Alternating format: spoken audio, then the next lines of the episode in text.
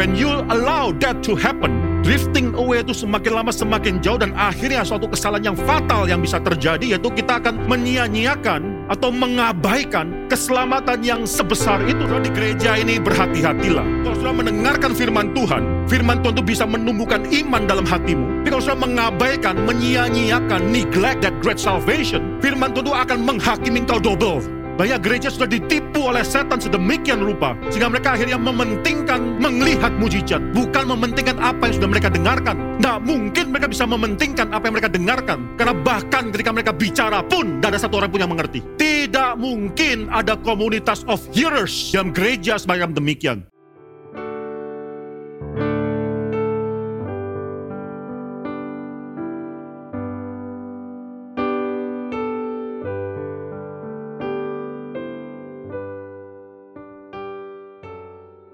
Baik saudara, mari kita buka Alkitab kita. Saya akan melanjutkan khotbah daripada eksposisi kitab Ibrani ini. Kita masih masuk dalam Ibrani pasal 2 ayat 1 sampai 4 dan minggu ini adalah minggu terakhir saya akan membicarakan mengenai porsi atau perikop Ibrani pasal 2 ayat 1 sampai 4 ini. Nah, mari kita buka Alkitab kita dan seperti biasa saya ajak kita untuk bertanggapan membaca ayat demi ayat. Saya akan membacakan ayat yang pertama, Saudara akan membacakan ayat yang kedua, dan seterusnya sampai selesai dan inilah firman Tuhan. Karena itu haruslah lebih teliti kita memperhatikan apa yang telah kita dengar supaya kita jangan hanyut di bawah arus.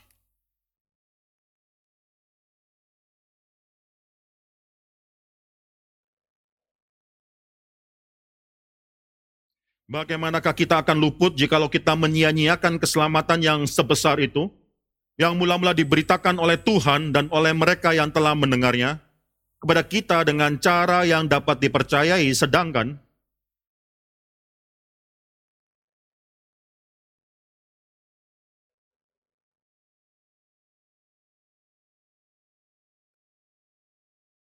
Saudara, saya akan bacakan ada terjemahan yang lain, saudara. Suatu hal yang saudara bisa perhatikan, saya akan bacakan terjemahan yang lain ini. Saudara perhatikan Alkitab saudara dan saudara bisa bandingkan terjemahan yang berbeda dalam bahasa Indonesia ini. Karena itu kita harus lebih teliti memperhatikan apa yang sudah kita dengar supaya kita tidak terseret arus. Sebab bila ajaran disampaikan oleh para malaikat terbukti tidak dapat diubah, dan setiap pelanggaran atau ketidaktaatan akan menerima hukuman yang adil, bagaimana mungkin kita dapat lolos jika kita mengabaikan keselamatan yang besar itu, yaitu keselamatan yang pertama-tama diberitakan oleh Tuhan dan dibuktikan kebenarannya kepada kita oleh orang-orang yang mendengarnya. Selain itu, Allah juga memberi kesaksian melalui tanda-tanda dan hal-hal ajaib, berbagai mujizat serta karunia-karunia Roh Kudus yang dibagikan menurut kehendaknya. Mari kita tundukkan kepala dan kita masuk di dalam doa. Bapak dalam surga kami bersyukur karena kami diberikan belas kasihan oleh Tuhan, Tuhan yang menciptakan kami dengan firman yang hidup tersebut. Firman yang hidup yang menciptakan, firman yang hidup yang juga akhirnya inkarnasi dan memberikan keselamatan dalam hidup kami yang menyatukan akhirnya kami disatukan kepada Kristus oleh pekerjaan Roh Kudus. Firman yang juga akhirnya menopang kami dan firman yang akhirnya juga dapat kami baca dalam genggaman tangan kami ini ya Tuhan. Kami berdoa ya Tuhan, berikan kepada kami suatu hati yang menghargai setiap kesempatan kami bisa dibentuk oleh firman Tuhan. Dan pada malam hari ini, kita kami mendengarkan firman Tuhan, bekerjalah dalam hati anak-anak Tuhan yang merindukan Engkau dalam hati anak-anak Tuhan yang merindukan, mereka bisa dibentuk oleh firman Tuhan. Kami hadir pada malam hari ini, membawa demikian banyak kesulitan hidup kami sebagai manusia dalam dunia yang berdosa, manusia berdosa dalam dunia yang berdosa. Kami sering berdosa di hadapan Tuhan. Apa yang tahu kami, apa yang baik, yang kami tahu baik, tidak kami lakukan. Justru kami melakukan hal yang kami tahu dan kami sadar bukanlah hal yang baik, yang tidak berkenan di hadapan Tuhan. Tuhan kami memang adalah orang yang lemah, tapi kami datang di sini dengan bukan membanggakan semua yang bisa kami lakukan, tapi kami membanggakan apa yang sudah Tuhan lakukan dalam hidup kami. Dalam dosa-dosa kami, Engkau telah menyediakan keselamatan melalui anakmu. Engkau telah menyediakan keselamatan bagi kami. Engkau tidak menuntut kesempurnaan daripada hidup kami, supaya kami lebih mengerti, sudah mengerti baru engkau menyelamatkan kami. Tapi kasih karuniamu mendahului segala respons daripada manusia. Tapi ya Tuhan dalam pergumulan hidup kami, ajar kami untuk bisa terus menuntut kesucian. Terus menuntut supaya hidup kami adalah hidup yang terus bisa dikuduskan. Terus mengerjakan pengudusan daripada keselamatan yang Tuhan lakukan dalam hidup kami ya Tuhan. Kami berdoa ya Tuhan, kiranya ketika firman Tuhan dikabarkan, firman Tuhan itu menjadi suatu dasar, fondasi yang bisa kami pegang. Di mana firman Tuhan yang kekal mendasari hidup kami yang sementara. Firman Tuhan yang kudus memungkinkan kami bisa hidup kudus di hadapan Tuhan. Kami mau bersandar kepada firman Tuhan. Sekarang berbicara kepada kami semua. Kami serahkan hambamu, kami serahkan hambamu juga menyerahkan mereka semua yang sudah menyiapkan hati mereka ke dalam tangan Tuhan. Bertaktalah di atas pemberitaan firman Tuhan ini. Dalam nama Tuhan Yesus Kristus kami berdoa mengucap syukur. Amin.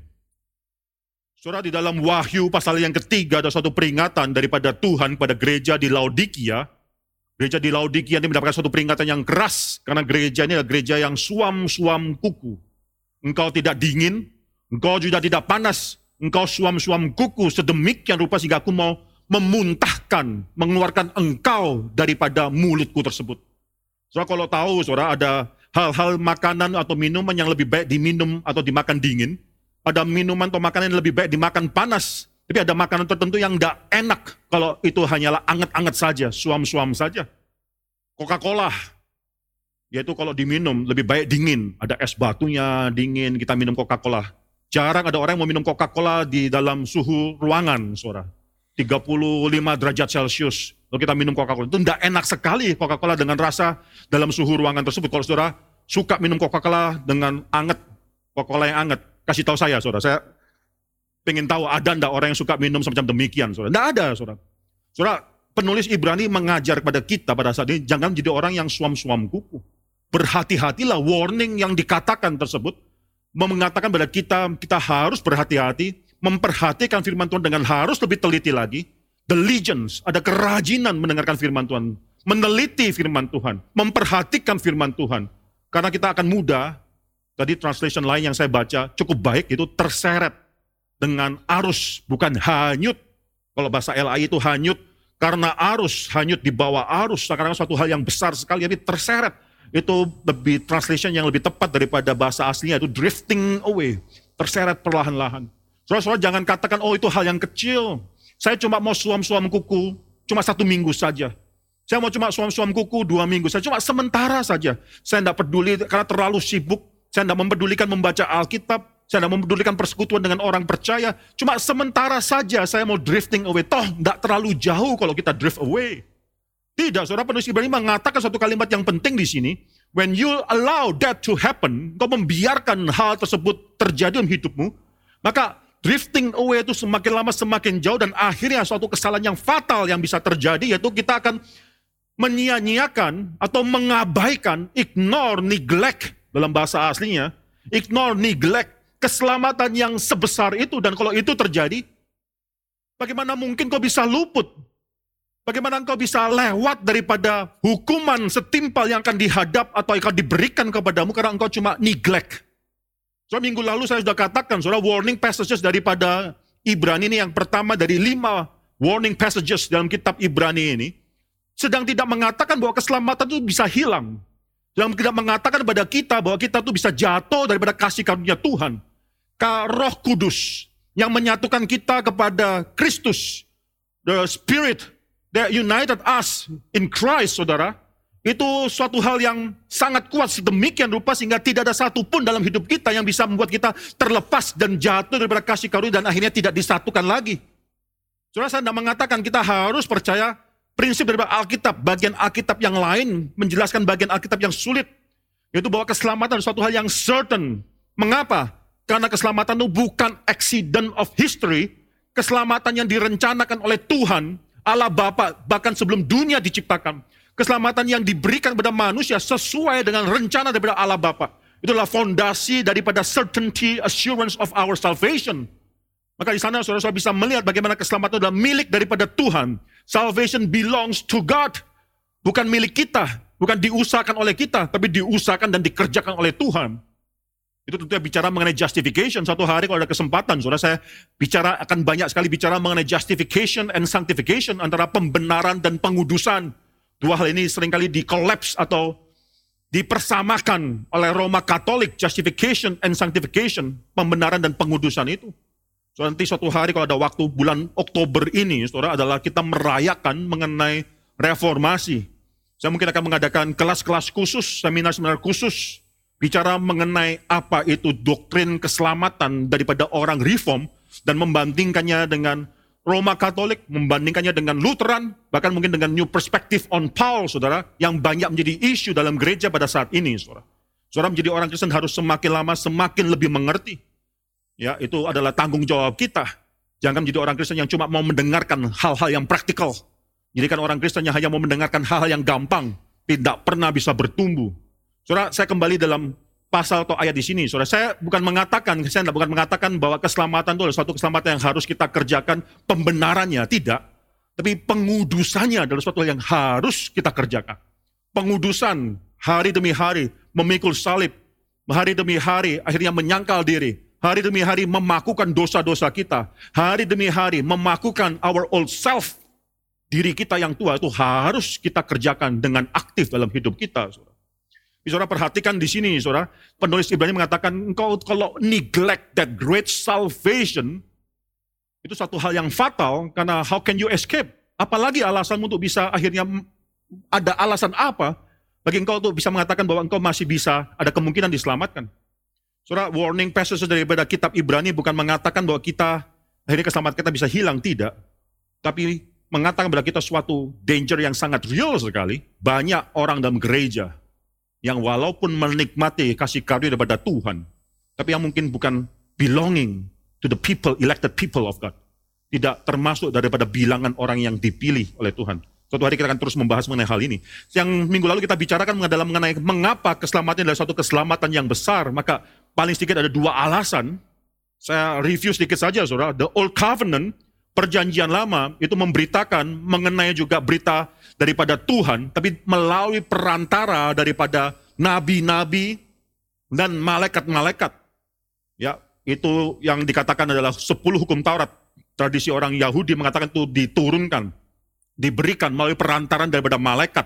Yaitu ayat yang kedua, saudara. Firman yang dikatakan dengan perantaran malaikat-malaikat. Di sini adalah hukum Taurat, tradisi daripada orang Yahudi. Saudara, berbeda dengan New Covenant. Yesus adalah anak Allah itu sendiri, di mana Allah sedang berbicara pada akhirnya. Kalau dulu bicara melalui nabi-nabi dan malaikat, sekarang berbicara melalui anaknya. Itu supremacy of Christ. Ibrani pasal yang pertama, saudara. Sekarang berita keselamatan yang diberikan, disaksikan, dinyatakan, digenapkan oleh anaknya itu sendiri. Maka dia sudah menjadikan suatu hal yang demikian berbeda Old Covenant and New Covenant.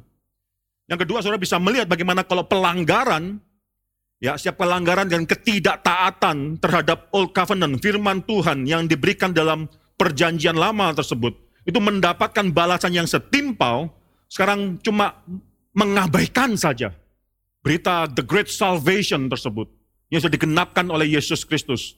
Itu mendapatkan suatu hukuman yang kekal, saudara tidak mungkin luput daripada penghakiman Tuhan di sini. Soal hari ini saya akan melanjutkan pembahasan kita mengenai bagaimana kita mengerti the new covenant. Banyak orang yang salah mengerti mengenai perjanjian baru, saudara. Seakan akan mereka memiliki satu konsep bahwa tuntutan Tuhan di dalam perjanjian baru bagi orang berdosa itu Tuhan rendahkan. Tuhan turunkan. Mungkin argumen semacam demikian. Tuhan di dalam perjanjian lama adalah Tuhan yang legalistik. Tuhan yang memakai atau mencoba atau mengharuskan semua orang harus mentaati hukum Taurat supaya bisa diselamatkan. Tuhan yang menuntut agar mereka bisa mentaati hukum Taurat, legalistic approach.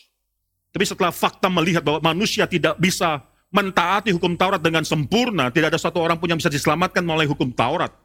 Maka Tuhan merubah approach tersebut dalam perjanjian baru dengan menyatakan bahwa sekarang standarnya bukan mengenai bagaimana kita mentaati secara sempurna hukum Taurat tersebut, tapi bagaimana kita akhirnya bisa memiliki kasih, hukum kasih menjadi sesuatu yang penting.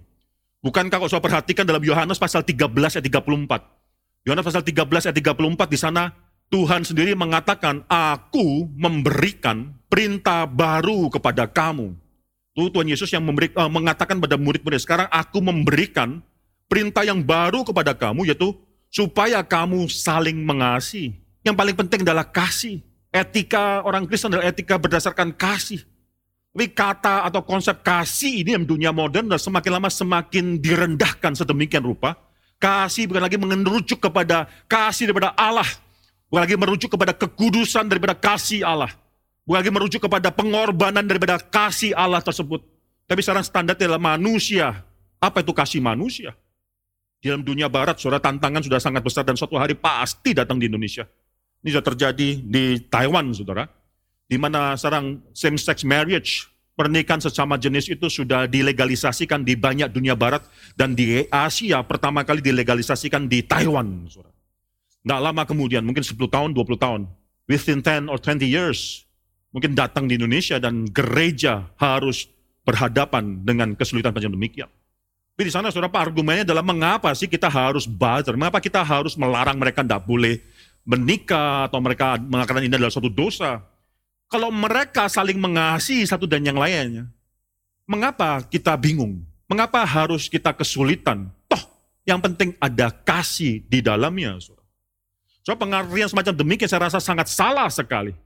Ya Tuhan dalam Old Testament, Tuhan di dalam perjanjian lama adalah Tuhan yang juga adalah Tuhan yang penuh kasih. Kita nggak bisa mendikotomikan Old Testament dan New Testament lalu mengatakan Old Testament itu adalah masalah hukum. Tuhannya demikian legalistik, Tuhan demikian keras, Tuhan yang menuntut, nggak ada kasih dalam diri Tuhan tersebut. Oh di dalam New Testament, dalam perjanjian baru, baru Tuhan adalah Tuhan yang mengasihi segala prinsip etika hidup etika beragama itu adalah masalah cuma saling mengasihi saja. Tidak. Tuhan dalam perjanjian baru adalah Tuhan yang juga mengasihi. Dia memang adalah Tuhan yang holy, yang kudus, tapi juga Tuhan yang mengasihi umat Israel. Jangan lupa, saya katakan sekali lagi, Tuhan harus mengerti hal ini. Perjanjian lama atau perjanjian baru itu sama-sama adalah perjanjian anugerah daripada Tuhan yang dilakukan melalui dua cara yang berbeda. Sekali lagi, saudara, perjanjian lama dan perjanjian baru itu sama-sama anugerah Tuhan. Saya tidak bisa, kita tidak bisa mengatakan perjanjian lama adalah covenant of works. Perjanjian baru adalah covenant of grace. Itu salah. Perjanjian lama dan perjanjian baru dua-duanya adalah covenant of grace yang akhirnya diadministrasikan melalui dua cara yang berbeda. Dalam perjanjian lama melalui sains, tanda, yaitu akan apa yang akan datang. Itu sunat. Tanda yaitu melalui temple, sacrifices, priest, imam-imam dan lain sebagainya. Dalam perjanjian baru semua digenapkan melalui Kristus. Sehingga tanda daripada perjanjian baru itu dilakukan melalui atas kegenapan tersebut. Melalui baptisan air, bukan lagi sunat. Melalui juga pembagian daripada perjamuan kudus. Dan melalui pemberitaan firman dan lain sebagainya, saudara. Itu administrasi yang berbeda antara perjanjian lama dan perjanjian baru. Nanti saudara dalam Ibrani pasal-pasal selanjutnya ini akan semakin lama semakin ditegaskan Saudara, semoga saudara diberkati oleh Tuhan, diberikan belas kasihan oleh Tuhan, sehingga kita bisa mengerti poin demi poin, sehingga kita menjadi orang Kristen yang dewasa. Saudara perhatikan yang penting di sini, saudara, bukan dikatakan bahwa perjanjian lama itu Tuhan kurang kasih. Perjanjian baru, baru Tuhan itu maha kasih. Tidak. Tuhan dalam perjanjian lama tetap adalah Tuhan yang penuh dengan kasih.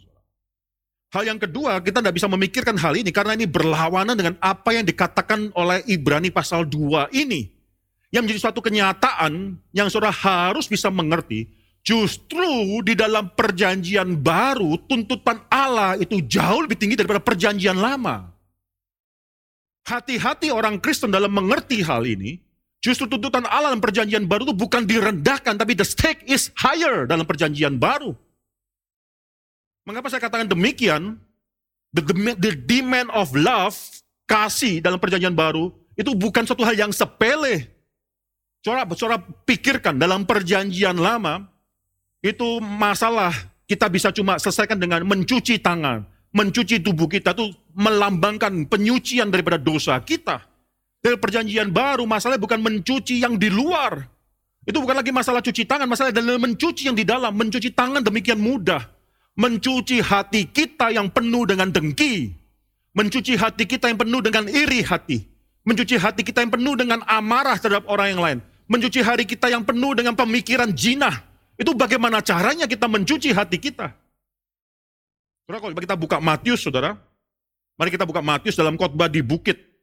Ada satu ayat yang penting yang saudara bisa melihat, ini tuntutan justru lebih tinggi dalam perjanjian baru dibanding perjanjian lama. Matius pasal yang kelima, saudara ayat 21 ayat 22 menjadi satu example yang baik sekali. Kamu telah mendengar yang difirmankan kepada nenek moyang kita, jangan membunuh. Siapa yang membunuh harus dihukum. Apakah lebih mudah dalam perjanjian baru? 22. Tetapi aku berkata kepadamu, Setiap orang yang marah terhadap saudaranya harus dihukum. Perhatikan, saudara. Perjanjian baru seakan tuntutan Tuhan itu demikian tinggi. Masalahnya dalam masalah hati. Setelah Kristus datang, so kita melihat bahwa ternyata keselamatan mengharuskan akhirnya Kristus harus datang dan yang menyerahkan dirinya baru kita bisa diselamatkan. Kita baru tahu keseriusan dosa kita. Kita bukan hanya terciprat oleh dosa, tercemar oleh dosa, kita sudah tenggelam di dalam dosa kita. Setelah Kristus datang dan dia harus berkorban atas kayu salib, kita baru mengerti dosa itu demikian serius. Masalahnya bukan perbuatan apa yang sudah kulakukan, lalu kita bisa bersihkan dengan cuci tangan, dengan mandi, dan menyucikan diri kita dengan air. Tidak. Masalah adalah hati kita yang demikian hitam di hadapan Tuhan. Hati kita yang suka memang suka melawan Tuhan. Dosa pada akhirnya adalah wujud perwujudan daripada keinginan hati kita. Siapa yang bisa menyelesaikan masalah hati tersebut? Itulah apa yang sedang dibicarakan dalam perjanjian baru melalui kasih karunia Tuhan. Oleh karena itu keselamatan adalah suatu keselamatan yang besar. Mengapa? Ini bukan masalah ritual keagamaan. Bukan masalah apa yang sudah kau lakukan supaya diselamatkan. Jangan lupa hukum Taurat diberikan bukan supaya orang bisa selamat. Hukum Taurat diberikan kepada mereka yang sudah selamat. Hukum Taurat bukan diberikan kepada orang Mesir supaya mereka melakukan hukum Taurat dan mendapatkan keselamatan. Tidak. Hukum Taurat diberikan kepada anak-anak Tuhan, kepada keturunan Yakub, saudara. Itu umat Tuhan. So problemnya adalah bukan apa yang harus kulakukan supaya aku bisa diselamatkan. Problemnya adalah tidak ada yang kau bisa lakukan. Sehingga kau bisa diselamatkan. Problemnya adalah Kristus harus mati. Dosa itu demikian serius. Sehingga Kristus itu harus mati. This is why the salvation is great. This is why this is a great salvation, saudara. So terlebih lagi, saudara, sudah melihat fakta bahwa Mesias atau anak Allah sudah datang, fakta bahwa keselamatan yang lebih besar ini, the greater salvation, this great salvation itu sudah digenapi melalui kematian daripada Mesias. Maka saudara melihat tuntutan Tuhan melalui apa yang sudah Tuhan lakukan setelah anaknya berbicara tersebut. Sekarang lebih tinggi lagi. Saudara kepada kota di Kapernaum, kalau saudara buka Matius pasal yang ke-11. Kota Kapernaum adalah kota di mana Yesus banyak berbicara, banyak mengatakan kalimat-kalimat yang keluar daripada mulut Tuhan Yesus. Banyak melakukan mujizat-mujizat. Kota Kapernaum melihat, mendengarkan lebih banyak daripada orang-orang kota-kota lain. Apa yang Yesus katakan kepada kota Kapernaum ini, saudara perhatikan ayat yang ke-22, saudara, pasal 11 ayat 22. Tetapi aku berkata kepadamu, kepada Kapernaum, pada hari penghakiman, tanggungan Tirus dan Sidon akan lebih ringan daripada tanggunganmu. Dan engkau Kapernaum, apakah engkau akan dinaikkan sampai ke langit? Tidak. Engkau akan diturunkan sampai ke dunia orang mati. Karena jika di Sodom terjadi mujizat-mujizat yang telah terjadi tengah-tengah kamu, kota itu tentu masih berdiri sampai hari ini. Tapi aku berkata kepadamu pada hari penghakiman, tanggungan negeri Sodom akan lebih ringan daripada tanggunganmu. Saudara, mengapa? Mengapa Kapernaum justru akan dihakimi lebih lagi daripada Sodom? Mengapa Kapernaum penghakiman Sodom itu masih akan lebih rendah, lebih ringan? Itu belerang yang diturunkan oleh Tuhan dari surga menghakimi seluruh orang di kota Sodom. Itu tidak ada apa-apanya kalau dibandingkan dengan penghakiman yang akan diberikan kepada Kapernaum. Mengapa? Karena Kristus sudah hadir. Ini luar biasa pentingnya, saudara. Kristus sudah berfirman, mereka mengeraskan hatinya. Kristus melakukan tanda-tanda mujizat yang meneguhkan semua firman yang keluar daripada mulutnya menyatakan dia adalah Mesias tersebut. Sudah melakukan demikian banyak hal yang menggenapkan semua hal yang dinubuatkan mengenai Mesias. Tapi orang-orang di Kapernaum mengeraskan hatinya. Oleh karena itu, mereka harus menanggung penghakiman hukuman yang lebih berat daripada Sodom. Sudah di gereja ini berhati-hatilah. Kalau sudah mendengarkan firman Tuhan, firman Tuhan itu bisa menumbuhkan iman dalam hatimu, tapi kalau sudah mengabaikan, menyia-nyiakan, neglect that great salvation, firman Tuhan akan menghakimi kau double. Lebih lagi, karena kau sudah mendengarkan dan kau mengabaikan.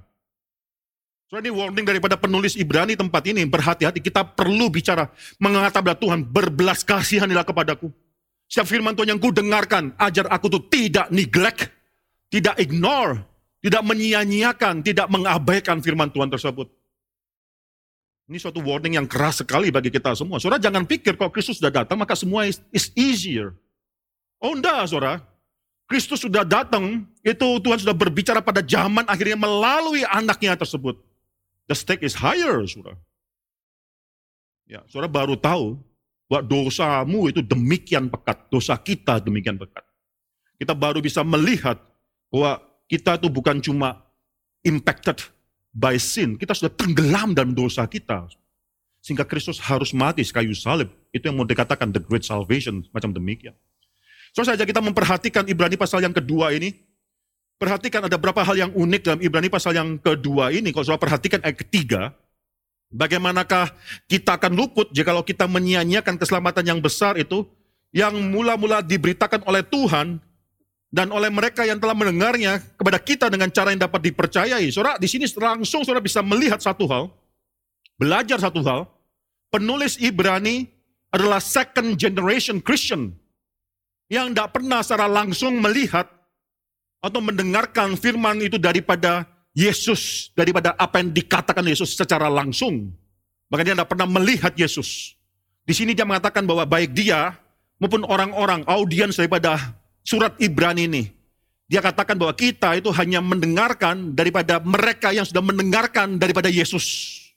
Sekali lagi di sini saudara, bagaimanakah kita akan luput jika kita menyanyiakan keselamatan yang sebesar itu?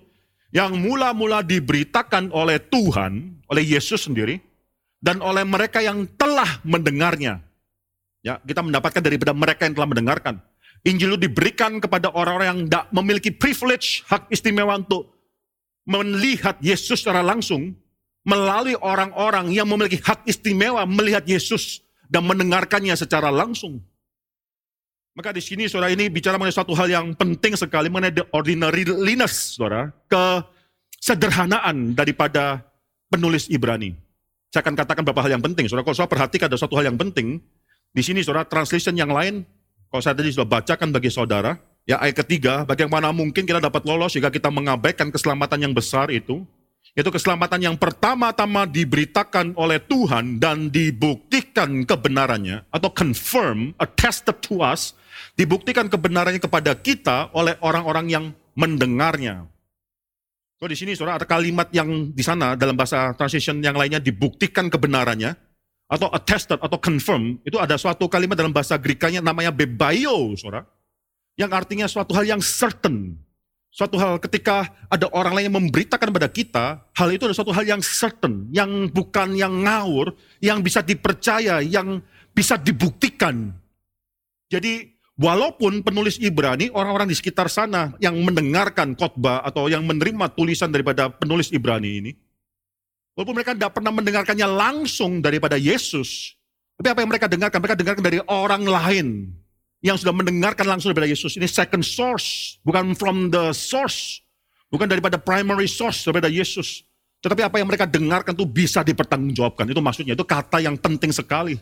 Yang attested to us yang diberikan kepada kita, yang dikonfirmasikan kepada kita, yang akhirnya dibuktikan kebenarannya. Ini transition daripada bahasa Indonesia yang lainnya, dibuktikan kebenarannya kepada kita.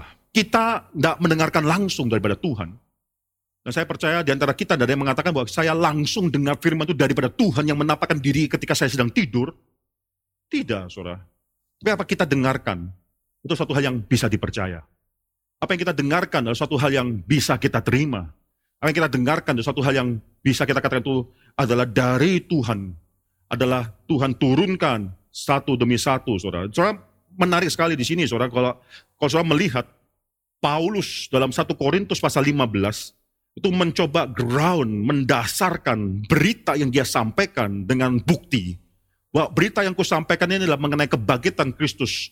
Itu adalah berita yang tidak sembarangan, bukan rumor, tapi bisa ditelusuri kalau engkau mau menelusuri berita tersebut, ada bukti-bukti, saksi-saksi mata yang melihat apa yang kuberitakan ini.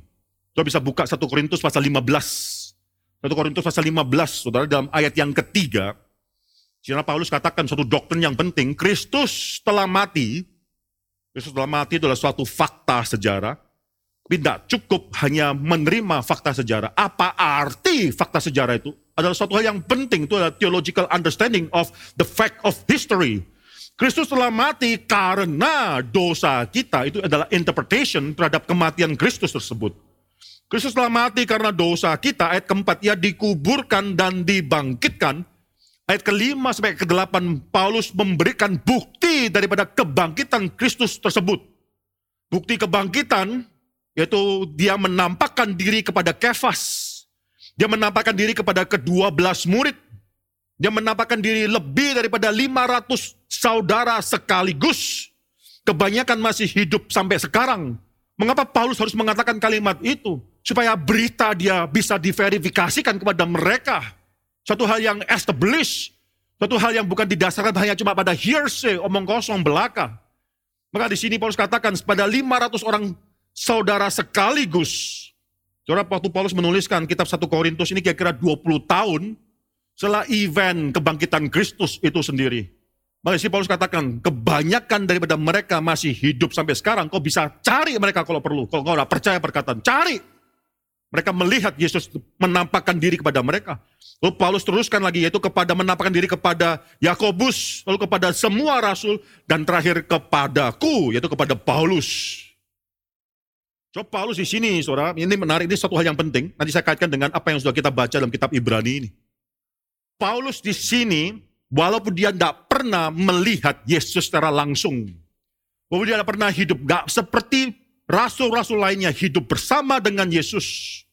Dia bukanlah orang yang hidup bersama dengan Yesus. Dia mungkin tidak langsung mendengarkan apa Yesus katakan dalam kitab Injil tersebut.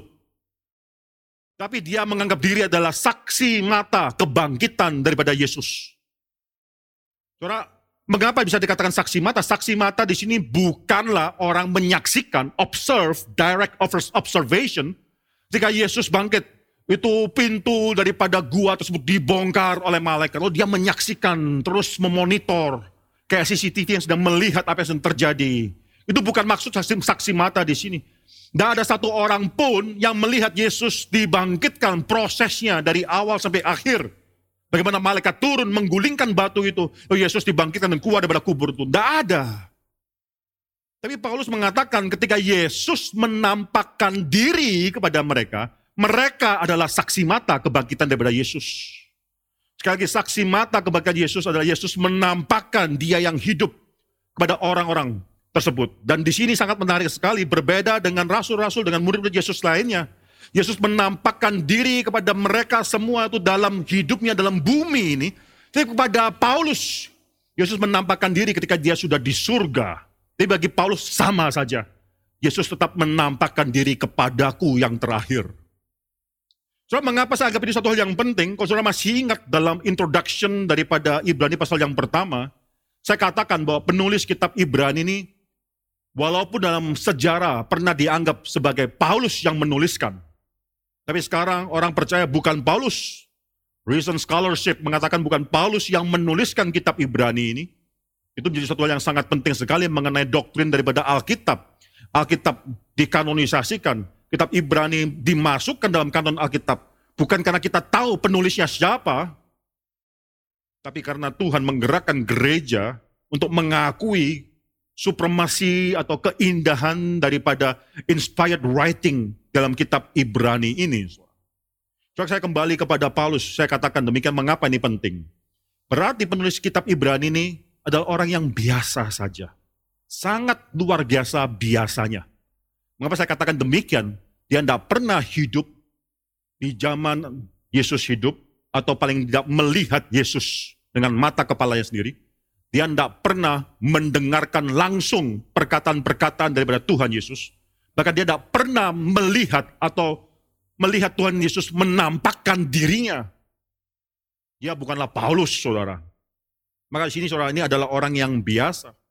Orang seperti Anda dan saya. Orang yang biasa saja. Saudara, di sini saudara perhatikan, penulis Ibrani mengatakan bahwa messageku ini valid, sah. Karena aku sudah bertemu dengan Tuhan Yesus. Messageku ini valid atau sah. Karena aku sudah naik surga, turun surga, naik berkali-kali surga, bumi, surga, bumi. Mendapatkan firman langsung daripada surga. Oh enggak, enggak perlu semacam demikian. Dia bahkan tidak pernah mengatakan bahwa messageku ini adalah suatu hal yang sah. Karena aku sudah mendapatkan firman ketika Yesus menampakkan diri dalam mimpiku atau Roh Kudus langsung berbicara kepada aku. Tidak.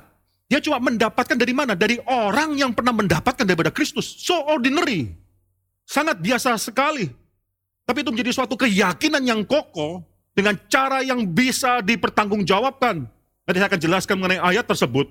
Tapi apa yang ku dengarkan dari orang lain ini, aku tidak pernah langsung mendapatkan dari Tuhan. Dia tidak pernah klaim kalimat tersebut. Saya tidak pernah naik ke surga untuk mendapatkan firman Tuhan tersebut. And yet, still, yang kita dengarkan dari orang lain tersebut adalah fondasi dari the great salvation itu. Adalah keselamatan yang besar yang sudah diberitakan kepada Kristus, saudara. Maka di sini saudara-saudara perhatikan dalam kitab Ibrani ini, saudara, penulis Ibrani demikian sangat-sangat sederhana. Dan saya katakan, apa yang kita baca tadi itu, nanti saya akan jelaskan. Ini penulis Ibrani sedang bicara mengenai suatu fakta yang penting itu mengenai the importance of preaching. Pentingnya pemberitaan firman Tuhan. Pentingnya pemberitaan firman Tuhan yang setia khususnya. Sekali lagi, saudara, mereka sama seperti kita semua, kita hanya mendengarkan. Kita tidak pernah lihat langsung, bertemu dengan Yesus langsung. Tidak perlu kita mengatakan bahwa gereja ini baru memiliki suatu keabsahan setelah ada hamba Tuhan yang berbicara dengan Tuhan langsung naik ke surga. Tidak perlu. Kita hanya mendengarkan saja. Saudara. Saudara, perhatikan berapa hal yang penting di sini, saudara. Ya, perhatikan berapa hal yang penting di sini. Berapa hal yang akan saya tekankan dari ayat yang ketiga dan yang keempat. Coba kita baca sekali lagi ayat yang ketiga dan yang keempat, saudara. Kita baca bersama-sama. Satu, dua, tiga. Bagaimanakah kita akan luput jikalau kita menyia-nyiakan keselamatan yang sebesar itu, yang mula-mula diberitakan oleh Tuhan dan oleh mereka yang telah mendengarnya kepada kita dengan cara yang dapat dipercayai, sedangkan Allah meneguhkan kesaksian mereka oleh tanda-tanda dan mujizat-mujizat dan oleh berbagai-bagai pernyataan kekuasaan dan karunia roh kudus yang dibagi-bagikannya menurut kehendaknya. Pertama, saudara, ayat ketiga tersebut, Berita keselamatan yang besar itu yang mula-mula diberitakan oleh Tuhan. Ini penting. Mengapa? Saudara harus kaitkan dengan Ibrani pasal 1 ayat yang kedua. Ya, saya bacakan ayat 1 dan ayat kedua, Saudara. Setelah pada zaman dahulu Allah berulang kali dan dalam pelbagai cara berbicara kepada nenek moyang kita dengan perantaran nabi-nabi, maka pada zaman akhir ini ia telah berbicara kepada kita dengan perantaran anaknya Saudara, saya sudah pernah katakan dalam pengantar daripada surat Ibrani, memang pada zaman akhir ini Tuhan sudah berbicara kepada anaknya, tapi bukan berarti bahwa itu selesai sampai di sana. Nah ini penting, saudara. Bukan berarti bahwa lalu semua iman kita, kita harus langsung mendengarkan daripada Kristus, karena Kristus adalah yang terakhir berbicara. Tidak. Ini Kristus yang mula-mula bicara. Lalu akhirnya diteruskan pemberitaan firman Tuhan oleh murid-muridnya, oleh orang-orang lain yang pernah mendengarkannya. Jadi sekali lagi saudara, mula-mula diberitakan oleh Tuhan itu sendiri. Tuhan memberitakan baik itu melalui words atau melalui deeds, tindakan dia, ketaatan dia, pengorbanan dia. Itulah semua berita daripada firman Tuhan. Tapi bukan berarti bahwa itu berhenti. Kalau itu saudara, maka kesulitannya adalah, kalau itu setiap orang yang beriman harus langsung mendengarkan langsung daripada Yesus. Harus melihatnya langsung daripada apa yang sudah Yesus lakukan, kematian, kebangkitan, dan sebagainya, kena ke surga dan sebagainya. Tidak. Di sini Alkitab mengatakan, mula-mula diberitakan oleh Tuhan, lalu kemudian dilanjutkan oleh orang-orang yang pernah mendengarkannya, pernah melihatnya. Tapi tidak berarti bahwa finalitas daripada Kristus perjanjian baru itu digugurkan karena ada orang lain yang memberitakan, ada orang-orang lain yang masih Tuhan bangkitkan. Saudara, apa yang mau saya katakan? Saudara, kalau dalam bahasa Indonesia di dalam LAI itu masih kurang jelas. Saya akan bacakan dalam bahasa Inggrisnya. Saya akan bacakan dalam bahasa terjemahan Indonesia lainnya, saudara ya. Sekali lagi Ibrani pasal 2 ayat yang ketiga. How shall we escape if we neglect such a great salvation?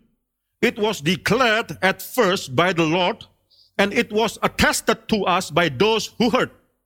So di sana ada dua verb yang hilang dalam LAI Bukan menjadi verb, soal di dalam LAI bukan menjadi verb, tapi menjadi suatu penjelasan. It was declared at first by the Lord. It was attested, itu verb yang kedua. Verb yang pertama adalah dideklarasikan, diberitakan oleh Tuhan.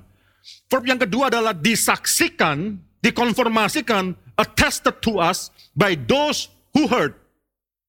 Nah, saudara-saudara bandingkan dengan LAI di sini, saudara. Ya, dengan LAI di sini, saudara bisa melihat yang mula-mula at first diberitakan, declared oleh Tuhan dan oleh mereka yang telah mendengarkannya. Itu verb yang kedua hilang. Verb yang kedua di LAI itu diganti dengan mode, kepada kita dengan cara yang dapat dipercayai. Sekali lagi, ini agak sulit tapi saudara harus mengerti karena ini penting sekali, saudara. Ya, sekali lagi ini sangat penting sekali. Di dalam Alkitab dalam bahasa LI di sini dikatakan bahwa berita keselamatan yang besar itu mula-mula diberitakan oleh Tuhan dan oleh mereka yang telah mendengar. Sekarang ada dua pemberitaan firman Tuhan. Tuhan dan pemberitaan oleh mereka yang mendengarkannya daripada Tuhan. Ada dua sources seakan-akan. Tapi dalam bahasa Inggrisnya, dalam bahasa Asia tidak demikian. Kalau saya perhatikan, dalam bahasa Inggrisnya, ntar saya baca dalam Indonesia terjemahan yang lainnya. It was declared at first by the Lord Yesus yang memberitakan, and it was attested, confirmed, guaranteed to us by those who heard. Itu maksudnya yang semula. Saya baca dalam bahasa Indonesia yang lainnya, bagaimanakah mungkin kita dapat lolos jika kita mengabaikan keselamatan yang besar itu, yaitu keselamatan yang pertama-tama diberitakan oleh Tuhan dan dibuktikan kebenarannya kepada kita oleh orang-orang yang mendengarnya. Oh, saya pikir Bedanya apa sih? Kalau masih tidak tahu bedanya, aduh curah, ntar setelah pulang, ntar bicara sama saya. Saudara, ya. saudara sekali lagi, ini penting sekali. Mengapa? Karena yang memberitakan bagi penulis Ibrani, yang memberitakan itu tetap hanyalah Tuhan, itu finalitas daripada akhir zaman ini, ini tidak ditentangkan dan Ibrani pasal 1 ayat kedua, Tuhan Allah Bapak sudah berbicara melalui anaknya. Anak saya sudah berbicara itu supremasi daripada perjanjian baru. Tapi memang ada orang-orang lain yang akan meneruskannya. Tetapi bagi penulis Ibrani, ini tidak sama. Bukanlah satu hal yang equal. Yesus yang memberitakan, tapi mereka itu, pemberita mereka bukan berarti juga sama-sama dalam level yang sama dengan berita Tuhan Yesus. Saudara, dalam gereja pada zaman ini, ini banyak yang diselewengkan. Sekali lagi, dalam gereja pada zaman ini banyak yang diselewengkan. Karena ketika mereka menganggap bahwa mereka ada rasul, mereka adalah nabi, mereka sudah naik ke surga, turun, surga naik, sudah mendengarkan firman Tuhan dari Tuhan Allah Bapa itu langsung atau daripada Tuhan Yesus. Mereka sudah menggugurkan mengenai supremasi daripada Kristus. Ya sekali lagi penulis Ibrani mengatakan Christ is supreme karena Kristus adalah Allah anak yang kepadanya Tuhan sekarang berbicara. Kalau dulu melalui nabi-nabi, melalui malaikat-malaikat sekarang melalui anaknya. Nah itu menjadi dasar daripada semua kesaksian, attestation yang disampaikan oleh murid-murid kepada kita. Saudara, penulis Ibrani bukan mengatakan bahwa kita harus mempercayai berita yang kita dengarkan daripada mereka yang mendengarkan daripada Kristus. Karena mereka adalah rasul. Karena jabatan daripada kerasulan mereka. Karena mereka sudah melihat menyaksikan Kristus yang sudah bangkit, mereka adalah rasul. Bukan itu maksud daripada penulis Ibrani. Coba perhatikan. Di sini saudara kita baca, saudara boleh baca LAI, saudara-saudara di sana dikatakan penulis Ibrani tidak sedang mengatakan bagaimanakah kita akan luput jikalau kita menyayangkan keselamatan yang sebesar itu yang mula-mula diberitakan oleh Tuhan dan oleh para rasul. Enggak, itu bukan perkataan daripada penulis Ibrani yang mula-mula diberitakan oleh Tuhan dan oleh para rasul, atau yang mula-mula diberitakan oleh Tuhan dan oleh mereka yang melihat Tuhan dan yang hidup bersama dengan Tuhan. Oleh begitu banyak orang yang demikian muktahir atau demikian besar karena mereka hidup bersama dengan Tuhan. Itu bukan maksud daripada penulis Ibrani. Fokus daripada penulis Ibrani adalah mereka yang mendengarkan. Tentunya adalah para murid-murid Tuhan Yesus tersebut. Tapi fokusnya bukan pada jabatannya, tapi fokus yang mau ditekankan oleh penulis Ibrani adalah apa yang mereka lakukan, mereka pendengar setia. Soalnya apa maksud penulis Ibrani di sini? Dia sedang meletakkan suatu fondasi, itu mengatakan bahwa yang penting yang ada semua komunitas umat percaya adalah komunitas of hearers. Komunitas pendengar firman Tuhan. Soalnya saya di GRI Karawaci, jabatan saya, jabatan ordination saya, jabatan tabisan saya itu memang penting sebagai pendeta, penatua pendeta. Di Karawaci juga ada penatua awam, jabatan ordination juga yang sangat penting sekali, saudara. Tapi kepentingan gereja Geri Karawaci diberkati oleh Tuhan bukan karena ada banyak penatua pendeta. Bukan ada banyak ada orang-orang penatua awam di sini ya. Tapi banyak orang yang suka mendengarkan firman Tuhan. Itu maksud daripada penulis Ibrani. Yang ditengkarkan bukan jabatan daripada kerasulan tersebut. Penulis Ibrani sedang menekankan suatu hal yang penting, yaitu mengenai orang-orang yang suka mendengarkan, yaitu komunitas of hearers. Saudara, kalau saudara perhatikan dalam Ibrani di sini, saudara, ini menarik, ini teologi yang menarik juga. Dalam kitab Ibrani, penulis Ibrani hanya menggunakan satu kali kata rasul. Satu kali saja muncul. Itu dalam Ibrani pasal 3 ayat 1. Di mana pasal 3 ayat 1, penulis Ibrani mengatakan menggunakan kata rasul di sana. Coba kita baca saudara Ibrani pasal 3 ayat 1. Sebab itu hai saudara-saudara yang kudus, yang mendapat bagian dalam panggilan sorgawi, pandanglah kepada rasul dan imam besar itu. The apostle and great priest, saudara, yang kita akui yaitu Yesus. Bagi penulis Ibrani, ketika dia menggunakan kata rasul, rasul itu, the apostle, itu adalah jabatan untuk Kristus. Maka di sini bukan artinya penulis Ibrani mengatakan itu semua yang lain bukanlah rasul, bukan. Tapi sekali lagi penekan di sini, mengapa berita daripada mereka, murid-murid Yesus itu bisa dipercayai? Bukan karena jabatannya, tapi karena mereka adalah orang-orang yang mendengarkan. Ini the importance of preaching. Bersyukurlah suatu gereja. Kok gereja itu memiliki orang-orang yang suka mendengarkan firman Tuhan. Bersyukurlah suatu zaman, kalau di dalam zaman itu adalah hamba-hamba Tuhan yang suka mengkhotbahkan apa yang mereka dengarkan dengan setia. Saudara kemarin di dalam sesi daripada digendankan saudara, dia membicarakan suatu hal yang penting sekali bahwa seluruh Alkitab ini, firman Tuhan ini adalah God's preaching. Isi adalah pemberitaan firman Tuhan. Tuhan yang memberitakan dari isi hatinya kepada kita, ini adalah God's preaching. Dan bersyukurlah gereja kalau gereja memiliki preacher-preacher yang setia memberitakan apa yang sudah diberitakan ini. Bersyukurlah gereja, kalau gereja itu dipenuhi dengan orang-orang yang setia mendengarkan firman Tuhan. Sekali lagi, saudara, saya mau katakan di sini, bahwa penulis Ibrani mengatakan suatu kalimat yang penting, bahwa jaminan keselamatan tersebut diberitakan oleh Yesus itu sendiri. Itu finalitas daripada pernyataan Allah kepada zaman yang baru dan New Covenant tersebut. Karena Allah sekarang berbicara melalui anaknya itu sendiri. Dan semua pemberitaan-pemberitaan itu bukan deklarasi kepada hamba-hamba Tuhan, rasul-rasul sesuai dengan keinginan mereka sendiri. Tidak. Karena mereka adalah setia Tuhan menyampaikan berita firman Tuhan dari zaman ke zaman melalui orang-orang yang setia mendengarkan dan memberitakan tanpa menambah-nambahkan, tanpa mengurang-urangi. Community of hearers yang faithful terhadap apa yang mereka dengarkan dan mereka sampaikan, saudara. Generasi demi generasi. Saudara, ayat yang keempat adalah suatu hal yang penting, saudara. Allah meneguhkan, memang Allah akhirnya meneguhkan kesaksian mereka dengan tanda-tanda dan mujizat-mujizat dan berbagai pernyataan kekuasaan dan akhirnya Roh Kudus yang dibagi-bagikan, karunia Roh Kudus yang dibagi Ada empat hal di sini. Itu Allah memang menggunakan mujizat atau tanda-tanda yang pertama, mujizat-mujizat yang kedua, berbagai pernyataan kekuasaan yang ketiga, dan karunia Roh Kudus yang keempat untuk mensahkan apa yang mereka katakan. Saudara, ayat keempat ini bisa dimengerti dari satu hal bahwa walaupun penulis Ibrani tidak langsung mendengarkan langsung daripada Yesus, dia mendengarkan dari orang-orang yang sudah pernah mendengarkan daripada Yesus langsung. Dan orang-orang ini diberikan tanda-tanda, mujizat-mujizat, kuasa-kuasa, karunia-karunia roh kudus yang meneguhkan pernyataan mereka. Itu sedang berlangsung, saudara. Tapi ini bukan berarti fakta bahwa waktu penulis Ibrani, menuliskan Ibrani ini, itu tanda-tanda mujizat-mujizat karunia, pernyataan kuasa, karunia roh kudus itu masih terus berlangsung. Berarti hari ini juga masih harus berlangsung. Sekali lagi, fakta bahwa penulis Ibrani mengatakan bahwa tanda-tanda mujizat-mujizat, kuasa, karunia roh kudus pada waktu dia menuliskan kitab Ibrani itu masih ada.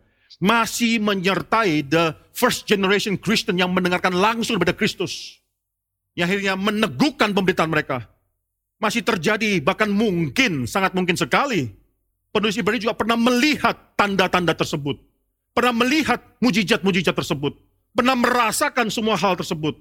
Fakta bahwa masih ada karunia-karunia roh kudus yang demikian besar. Yang Tuhan berikan pada gereja mula-mula. Coba kita bandingkan Ibrani pasal 6, saudara. Ibrani pasal 6 ayat 4 sampai 5, minggu lalu sudah saya beritakan, Saudara, ini menarik sekali. Ini orang-orang siapa? Sebab mereka yang pernah diterangi hatinya, yang pernah mengecap karunia sorgawi, yang pernah mendapat bagian dalam Roh Kudus, yang pernah mengecap firman dan yang baik dari Allah dan karunia dunia yang akan datang. Ini mereka yang mungkin melihat segala sesuatu yang dilakukan oleh Roh Kudus pada zaman itu untuk meneguhkan kesaksian daripada murid-murid Kristus tersebut. Mereka melihat, mereka bisa merasakan. Tapi bukan berarti mereka pasti adalah orang yang beriman karena mereka hanya melihat saja. Tidak, saudara. So sekali lagi, saya percaya pada waktu penulis Ibrani menuliskan ayat keempat, tanda-tanda mujizat tersebut tanda-tanda, mujizat-mujizat, pernyataan kekuasaan, karunia Roh Kudus itu masih ada dalam gereja pada saat itu. Jadi penulis Ibrani masih mungkin merasakan, melihat, merasakan apa yang terjadi pada saat itu.